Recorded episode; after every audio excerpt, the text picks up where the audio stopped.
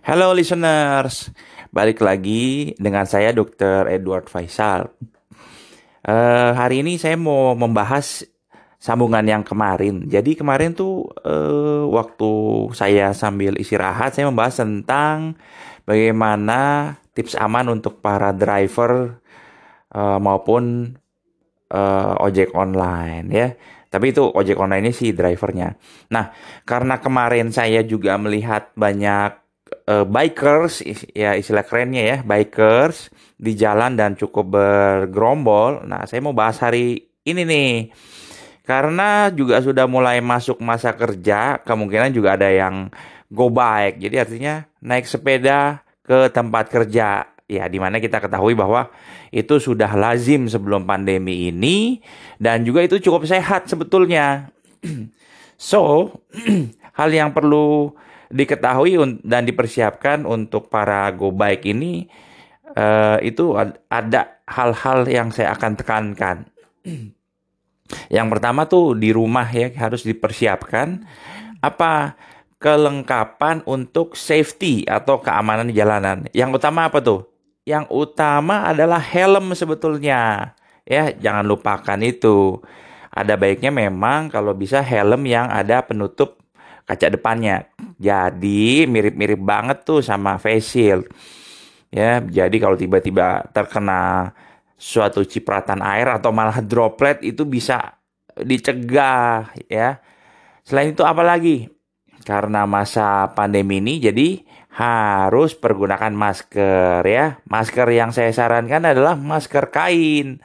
Kemudian kalau bisa sih yang pernah saya jelaskan di podcast sebelumnya tentang masker, masker itu ada yang two ply atau dua lapis, ada yang tiga lapis. Yang disaranin sih yang tiga lapis, tapi biasanya sih akan ngos-ngosan tuh waktu naik sepedanya karena agak berat. Mungkin bolehlah yang dua lapis ya.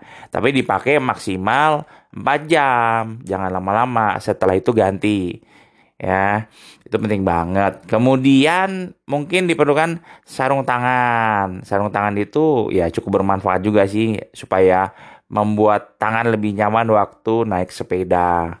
Selain itu kalau nggak sengaja menyentuh benda-benda lain tapi ternyata di benda lain itu misalnya nih nggak sengaja megang bodi mobil yang ada droplet virusnya. Nah itu kan bisa menghindari dari menempel si virus ke tangan kita ya Selain itu, apalagi ya, sepatu lah yang pasti itu juga untuk keamanan. Jadi kalau misalnya terjadi sesuatu, si kaki terlindungin.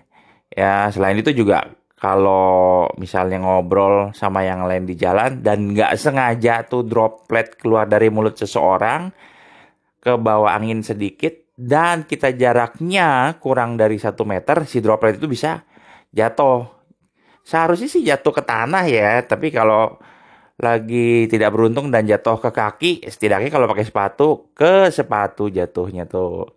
Oke. Kemudian eh, sebetulnya naik sepeda itu kan berolahraga juga ya. Ada pertanyaan nih sering kali dan memang udah ngobrol juga nih sama teman spesialis kesehatan olahraga. Jadi boleh-boleh aja sebetulnya naik sepeda. Nah tapi gimana yang baik ritmenya? Ritmenya adalah jangan sampai uh, terlalu kencang, jangan digas banget lah. Intinya harus ritmik.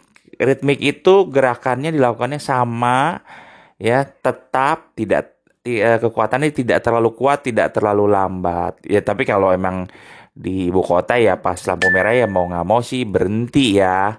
Jadi itu yang cukup penting.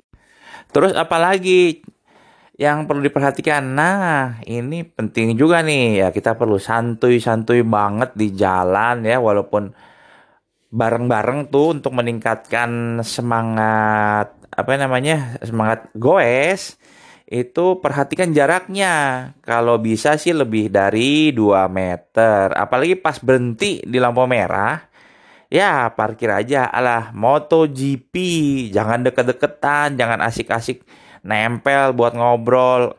Nah, kalau bisa sih agak jauhan lah tetap. Sama sebetulnya kurangin ngobrol karena ngobrol itu bisa meningkatkan uh, pengeluaran virus atau droplet dari dalam mulut. Ya walaupun uh, sudah pakai masker ya tapi kita coba kurangin lah. Kita kan kalau baca-baca berita atau uh, mendengar radio atau nonton di televisi kan memang apalagi yang luar negeri ya memang disarankan bahwa uh, itu mengurangi bicara ya kayak seperti pegawai toko pun disarankan untuk mengurangi bicara.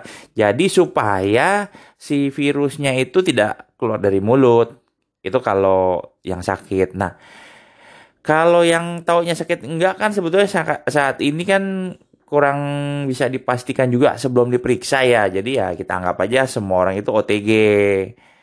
Tapi jangan mentang-mentang kita anggap orang lain juga OTG kita jadi parno ya. Sebetulnya di bawah santai aja. Pokoknya intinya santai. Kenapa? Pikiran yang baik itu adalah pikiran positif. Jadi jangan cemas, jangan menstigma, jangan mikir atau nuduh-nuduh orang lain uh, COVID karena kelihatannya gejalanya mirip COVID ya. Jadi uh, nuduh-nuduh aja itu nggak baik.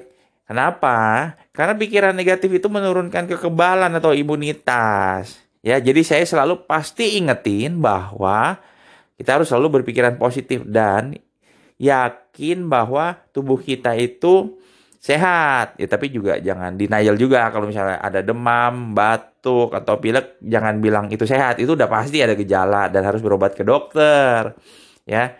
Oke, listener, selamat menikmati Go Ride. Ya. Go to office by your bike atau olahraga dengan sepeda. So, tetap uh, pertahankan semangat untuk bekerja dengan menggunakan sepeda. Ya, selain sehat itu juga bermanfaat mengurangi polusi udara. Oke, okay, listener, see you in the next podcast podcast saya selanjutnya dan mudah-mudahan ini bermanfaat. Kalau memang dirasa bermanfaat, tolong bantu sebarkan kebaikan ini kepada banyak orang, terutama keluarga sendiri. Oke, okay, see you.